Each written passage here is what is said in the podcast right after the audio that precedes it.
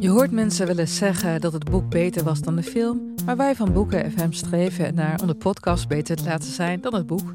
Wij lezen de klassiekers die je nog niet gelezen hebt. We lezen de boeken die je heel graag wil lezen, maar waar je eigenlijk voor schaamt om in het publiek mee gezien te worden. We lezen de Libris-winnaars. Uh, we praten over de Nobelprijslariaten. Allemaal zoals je een etentje hebt dat je moeiteloos mee kan praten en dat het lijkt alsof je helemaal belezen bent. Wij zijn Ellen, Joost en Charlotte van Boeken FM en je kunt ons luisteren in je favoriete podcast-app.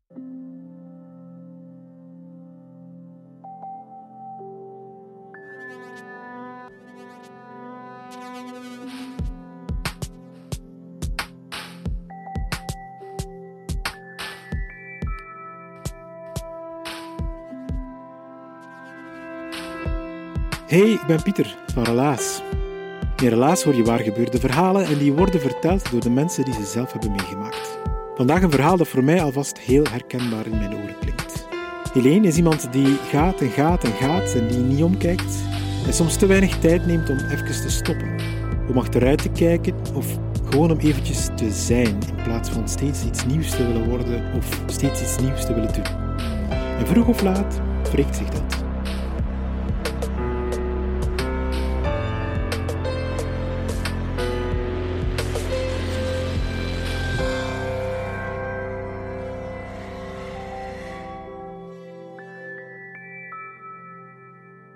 Ging van de ene activiteit naar de andere. Ehm, ik deed heel veel en ik werd dan ook ja, door iedereen een bezige bij genoemd. Uh, een paar jaar geleden ging ik bijvoorbeeld op reis naar Denemarken en daar ontdekte ik klimmen als sport. Uh, en eenmaal terug in België besloot ik mij in te schrijven voor een klimcursus en behaalde ik uh, een eerste en dan een tweede brevet. Um, en vanaf dan was ik eigenlijk niet meer weg te slaan uit de klimzaal. Drie tot vier keer per week ging ik gaan muurklimmen. Uh, maar dat was niet het enige wat ik deed, want ik uh, werkte ook heel veel. Ik stond vroeg op, vertrok voor zonsopgang naar mijn werk, uh, gaf het beste van mezelf op mijn werk en dan tegen een uur of vier, vijf voelde ik van mijn batterij aan het leeglopen. Dus ik sprong op de fiets, haastte mij natuurlijk naar de klimzaal, om dan na een klimsessie van een twee of drie uur terug op mijn fiets te springen en naar Gent Centrum te fietsen, naar een café waar er een jazzband optrad. Uh, want ik dans ook al enkele jaren Lindy Hop, dat is een swingdance uit de jaren twintig. Um, ja, en ik wilde daar te volle van genieten, dus ik volgde niet enkel lessen, maar ging ook naar de social dances. En dat waren eigenlijk mijn dagen heel gevuld. Uh, altijd onderweg met de fiets, um, geen gaatjes in mijn agenda, druk, druk, druk van alles aan het doen. En uh, in november 2020 eh, was dat eigenlijk nog altijd zo. Uh, met dat verschil dat ik die maand aan het telewerken was door COVID. En op een woensdagochtend, eind november, um, voelde ik dat mijn focus wel aan het verdwijnen was. En ik besloot van, ik moet even pauze nemen om straks weer er te volle voor te gaan. Uh, maar voor mij, pauze nemen, dat was eigenlijk ook iets doen. Want gewoon pauze nemen en even zijn, dat kan niet. Dus ik besloot, ik spring op mijn favoriete vervoersmiddel, de fiets. En ik ga in, tijdens die pauze, in de tussentijd, ga ik uh, naar de Bioplanet gaan om inkopen. Dus zo gezegd, zo gedaan. Ik sprong op mijn fiets, snel, snel, snel, de Gentbruggebrug over, langs de Schelde. Uh, het was eigenlijk een heel mooie novemberdag, want de zon scheen, de vogeltjes fluiten. Maar eigenlijk kwam dat niet echt binnen, want ik was echt gefocust op ik moet dit snel doen, ik moet efficiënt zijn, ik moet snel naar de winkel, zodat ik snel terug thuis ben, dat ik snel gezond kan koken, dat ik dan snel weer aan het werk uh, kan. En ik reed langs de Schelde, ik sloeg af in een, een wijkje. Um, en er was een straat waar dat er zo wat werken waren gebeurd en er lag zo wat aarde, wat modder. En op het moment dat ik de bocht maak, uh, glijdt mijn fiets eigenlijk onder mij uit um, en uh, val ik op de grond. En natuurlijk, eerst verschoot ik wat van de klap en dan zag ik zo wat bloed rond mij liggen. En plots besefte ik, ah, maar dat bloed, dat is van mij en dat komt uit mijn hoofd of uit mijn oogkas. Um, en dan voelde, ook, voelde ik ook wel dat het pijn deed. Um, gelukkig waren daar een moeder en haar dochter die mij onmiddellijk hebben opgeraapt en meegebracht naar een huis en mij de eerste hulp uh, hebben verleend. En dan merkte ik van, oh nee, ik heb nu die val gehad. Mijn, uh, ja, mijn planning is in de war. Uh, ik ga snel, snel zelf met de fiets naar de dokter. Want ja, tegen dat ik iemand gebeld heb die mij komt halen met de auto, dat is veel te veel gedoe. Dus al bloedend ben ik naar de huisarts gefietst, daar al huilend binnengestapt. Um, ja, en die, die heeft mij onderzocht. Die heeft mij onmiddellijk de rest van de dag thuis geschreven. Ik moest heel aandachtig zijn voor die hoofdpijn die ik had. Um, dus ik naar huis eigenlijk enorm aan het balen dat mijn planning in de war was. Uh, en ik moet zeggen, die namiddag, dat lukte niet om volledig te ontspannen. Ik heb meermaals toch mijn laptop open gedaan, ook al bonsde mijn hoofd, ook al werd mijn oog alsmaar dikker, kreeg mijn oog alle kleuren van de regenboog. Maar ik had zo een druk van, ik moet verder doen. Um, en dan de volgende ochtend ja, gewoon weer de fiets op, naar het werk. De dag daarna weer telewerken, gewoon verder doen. En dan een week later um, vertrok ik uit de praktijk waar dat ik werk. En ik had uh, afgesproken met een vriendin in Antwerpen. En dat was eigenlijk al moeilijk geweest om een haatje in mijn agenda te vinden. Um, want zelfs afspraken met vrienden moet ik zo enorm gaan plannen. Uh, dus ik sprong snel op mijn fiets, maar ook in die straat waren er werken gebeurd. En voordat ik het wist, lag ik weer onderuit. Dit keer met mijn borstkas op mijn stuur. Um, en ik zag dat het licht een paar meter verder op groen sprong. Dus ik ben snel weer op mijn fiets gesprongen en eigenlijk door het groen naar het station gefietst, waar ik net op tijd mijn trein haalde. En dan op de trein haalde ik een boek boven, ik wilde wat bijstuderen en voelde ik van, ik heb eigenlijk enorme hoofdpijn, ik heb pijn aan mijn nek, aan mijn schouders. Um, en dat verergerde er wel gedurende de treinrit. Maar eenmaal in Antwerpen wilde ik ook dat dan die, die tijd met die vriendin superleuk was. Dus ik wilde daar ook niet te veel over klagen. Uh, maar eigenlijk werd die pijn erger.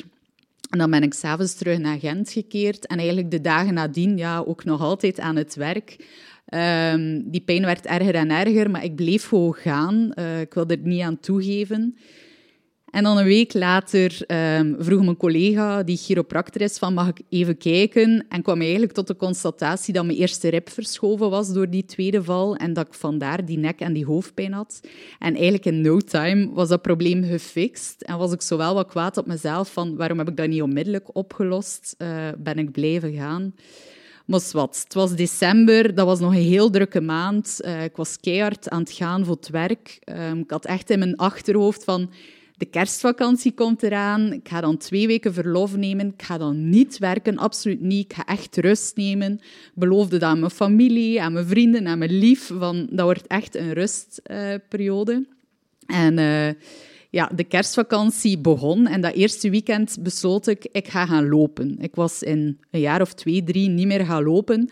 Uh, maar ik dacht, ik moet dat opnieuw doen, want de klimzaal is toe, we kunnen niet gaan dansen. Uh, en ik ging die zondag vijf kilometer gaan lopen en ik was zo alweer mezelf doelen aan het uh, ja, opstellen, van, opleggen van ik moet dat binnen die tijd doen. Um, en dan had ik al in mijn hoofd vanaf nu, ik heb heel de kerstvakantie vrij, ik ga om de twee dagen ga ik, uh, gaan lopen en ik ga mij verbeteren. Um, en dan was het de maandag, de echte eerste dag van mijn verlof. En die dag was heel ontspannen begonnen. En in de late namiddag had ik met een vriendin afgesproken om te gaan wandelen. Uh, en dat was eigenlijk een heel fijne wandeling. Uh, echt uren langs, dokken, langs de dokken gewandeld. En dan um, op het einde van de wandeling kreeg ik een berichtje, werkgerelateerd. Iemand die vroeg, mag ik je straks eens bellen? En ja, we namen afscheid, die vriendin en mij. En ik stuurde terug naar die persoon. Het is goed, binnen een kwartiertje ben ik thuis, je mag me bellen. Dus eigenlijk was ik de afspraak met mezelf van ik ga twee weken niet werken, alweer aan het doorbreken. En ik sprong op mijn fiets, gaf een knuffel aan die vriendin, deed mijn helm op, want na de twee eerste fietsvallen uh, was ik uh, heel bedachtzaam. Mijn lichten aan op de fiets, mijn regenjas aan, want het was zo al wat donker, het was zo aan het buiten. En ja, langs de grote baan, langs Dampoort, dan binnendoor, langs Sint-Amansberg, dan langs de Schelde. Ik voelde me zo wel enorm opgejaagd. Um, zo een, enorme stress en zo. Oh nee, ja, ik moet straks werken. En misschien als ik dan dat telefoontje heb gedaan, kan ik dan nog mijn mails toch eens checken, want ik ben dan toch bezig. En ja, zo een bepaalde spanning. Uh, en ik reed langs de Schelde. Ik draaide de bocht in om de Hentbruggebrug over te gaan. En op het moment dat ik die brug omhoog oprijd, heb ik plots een heel raar gevoel. Zo van, er klopt iets niet. En ik hoor een auto heel hard en heel dichtbij komen. En voordat ik het weet, tikt die auto mij van achter tegen de fiets en maak ik een boog in de lucht en val ik uh, op mijn bekken. En die auto remt vlak bij mijn hoofd. Gelukkig had ik een helm aan. Dat was het eerste wat ik dacht. Het tweede wat ik dacht was... Oei, maar die persoon gaat mij bellen voor mijn werk nu. Oei, en ik lig hier. Het derde wat ik dacht was... Oei, en heel mijn loopschema. Ik ging terug beginnen lopen. Hoe moet ik dat nu doen? En dan pas het vierde was, de mensen die op mij afkwamen, die mij wilden helpen rechtop zitten. Ik die misselijk werd van de pijn en besefte ik heb heel veel pijn, wat is er eigenlijk aan de hand? Um, de omstaanders hebben dan onmiddellijk de ambulance gebeld, want ik kon eigenlijk niet bewegen. En dan ook gevraagd wie moeten we bellen. Dan hebben ze een eerste vriendin gebeld die niet opnam, dan een tweede vriendin die dan onmiddellijk beloofde dat ze naar spoed ging komen. En dan uiteindelijk mijn lief die vast zat op zijn werk. En dan ben ik in de ambulance gehoffen, um, ben ik naar het ziekenhuis gebracht waar dat ik dan redelijk emotioneel was van de shock, maar ook van de pijn. Uh, dat duurt dan ook wel even tegen dat je onder al die scanners mag. En dan een paar uur later kwam eigenlijk het verdict van, ja, mevrouw, u heeft een sacrumfractuur, uw heilig been in uw bekken, eigenlijk het, laatste deel van uw rug, is gebroken. Uh, u heeft veel geluk, er is geen bezenuwing geraakt, maar het zal wel eventjes uh, duren voordat u hersteld bent. Ik ben dan naar de dienst traumatologie gebracht. Uh, Hanne, die bij mij was, moest dan uiteindelijk vertrekken tegen middernacht. En ik was eigenlijk enorm emotioneel. En dat was op dat moment nog niet noodzakelijk omwille van het ongeval of omwille van de pijn, maar omdat er iets door mijn hoofd spookte. Um, en ik heb dat dan geuit op het moment dat mijn lief belde na uh, zijn dienst op het werk van ja, ga jij mij wel nog graag zien? Want de komende weken ga ik niets kunnen doen. Ik ga alleen maar zijn. Um, die is dan heel hard beginnen lachen. Uh, en hij zei toen, dat, dat blijft door mijn hoofd halmen, van ik ga je nog liever zien, want je gaat gewoon zijn. Je gaat zo niet heel de tijd rondcrossen. Uh, dus die heeft mij wel wat gerustgesteld. Uh, maar ik besefte toen wel van mijn identiteit hangt echt af van mijn doen. En amai, dat worden uh, pittige weken. Ik dacht toen nog dat het om weken ging gaan. Uh, de dag van kerstavond ben ik zo met ambulancevervoer naar mijn appartement gedragen. Hebben ze mij de trap opgedragen en er stond ondertussen al een ziekenbed uh, aan de ruit, waar dat ik dan in kon gaan liggen. En dan hadden mijn vrienden en mijn lief een heel schema wie op welk moment voor me ging zorgen, koken. Want ik kon mij bijvoorbeeld niet alleen draaien uh, in mijn bed. Ik kon niet alleen in de douche stappen. Ik kon mijn tenen niet afdrogen. Ik kon wandelen met een looprekje. Um, uiteindelijk, na een paar dagen, ging dat met wat steun. Um, en ik ging zo langzaamaan, deed ik wel stapjes vooruit. Dus ik was eigenlijk heel positief, heel optimistisch. En ik begon meer en meer doelen te stellen. Want ik voelde, ah, gisteren kon ik dat, morgen kan ik misschien dat, vandaag dit. Uh, en na 19 dagen kon ik met behulp van de kinesisten voor het eerst terug naar buiten, de trap af. Um, ik moet zeggen, de trap op, daar hebben ze me moeten dragen, want dat was een heel grote inspanning. Maar ik deed dus wel stappen vooruit. Um, en ja, ik begon echt te plannen van binnen een week moet ik dat kunnen en binnen twee weken moet ik dat kunnen. Uh, maar eigenlijk werd ik daar iedere keer in teleurgesteld en was dat eigenlijk een enorme klap iedere keer in mijn gezicht. Ik werd iedere keer teruggecatapulteerd naar dat ziekenhuisbed tussen die vier muren van mijn appartement. En mijn wereld voelde plots heel klein, maar ook ik voelde me heel klein, want ik lag daar maar. Um, zo de quote die ik ooit las in een bar in Antwerpen, zo van to be is to do, to do is to be, doobie doobie do. Dat was echt wel van toepassing op dat moment. Um, en ik besloot van, oké, we gaan wat doobie doobie doen. Um, en ik leerde bijvoorbeeld series kijken.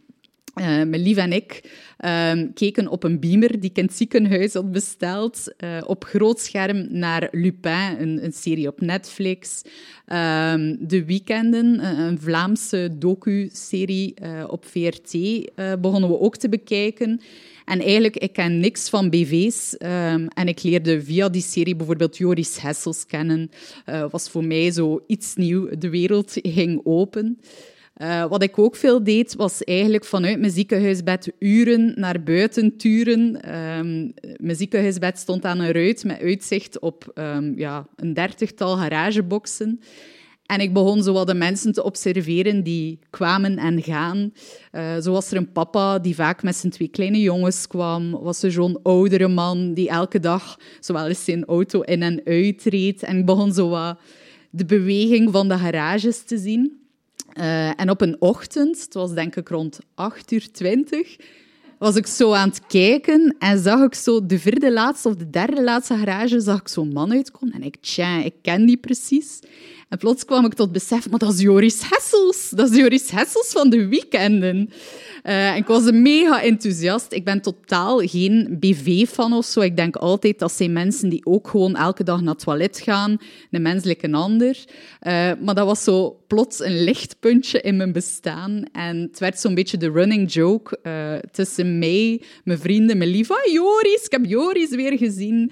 Elke ochtend om 8 uur 20 en s'avonds om 4 uur 20 zie ik die. Oh, Joris is daar. Dus dat was eigenlijk wel heel fijn. Um, en dan in maart werd ik 30. Ik had eigenlijk totaal niets gepland.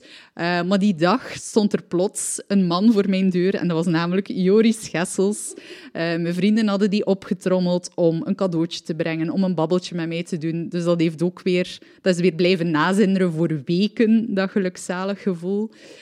Um, ik begon zo veel meer zo in de kleine dingetjes mijn plezier te vinden. Maar tegelijk, iedere keer weer wilde ik vooruit en stelde ik mezelf doelen um, en botste ik op die grens. En we zijn ondertussen vijf maanden verder uh, en ik bots nog steeds op die grens. Um, klimmen, ik heb me er ondertussen bij neergelegd dat dat niet meer voor dit jaar zal zijn dansen. Ik vind het pijnlijk dat er binnenkort waarschijnlijk weer events gaan ontstaan en dat ik niet zal kunnen meedoen. Uh, mijn fiets, mijn favoriete vervoersmiddel, heb ik ingeruild voor een elektrische step. Ik probeer dan mezelf wijs te maken of ja, mezelf op te peppen door te zeggen het is beter dan dat bomma-looprek dat je in het begin had. Uh, ja, met de fiets naar het werk gaan, ja, zit er niet in. Werken uh, is momenteel moeilijk. Uh, ik heb heel veel rust nodig. Ik leef op een heel traag tempo. En ik begin meer en meer zo die vibe van doobie-doobie-doo binnen te laten komen. Uh, en dan af en toe kijk ik zo nog eens door mijn ruit, zoals vanmorgen. En dan zie ik Joris. En dan ben ik toch weer content.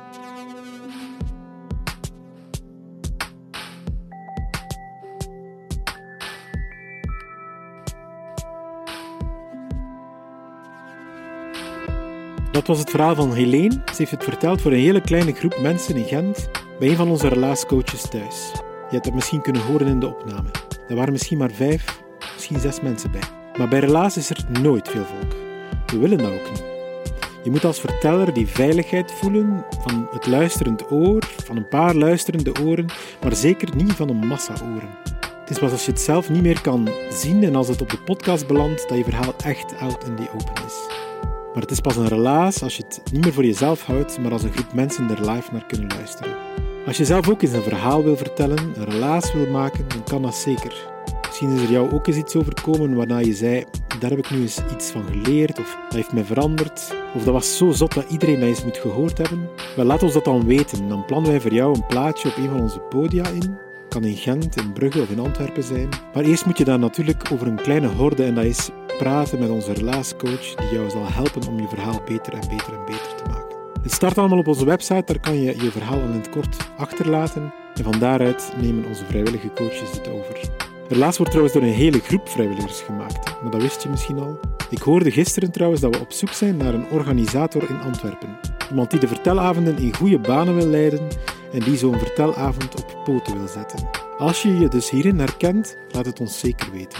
Wij worden gefinancierd door de afdeling cultuur van de Vlaamse gemeenschap en die van de stad Gent.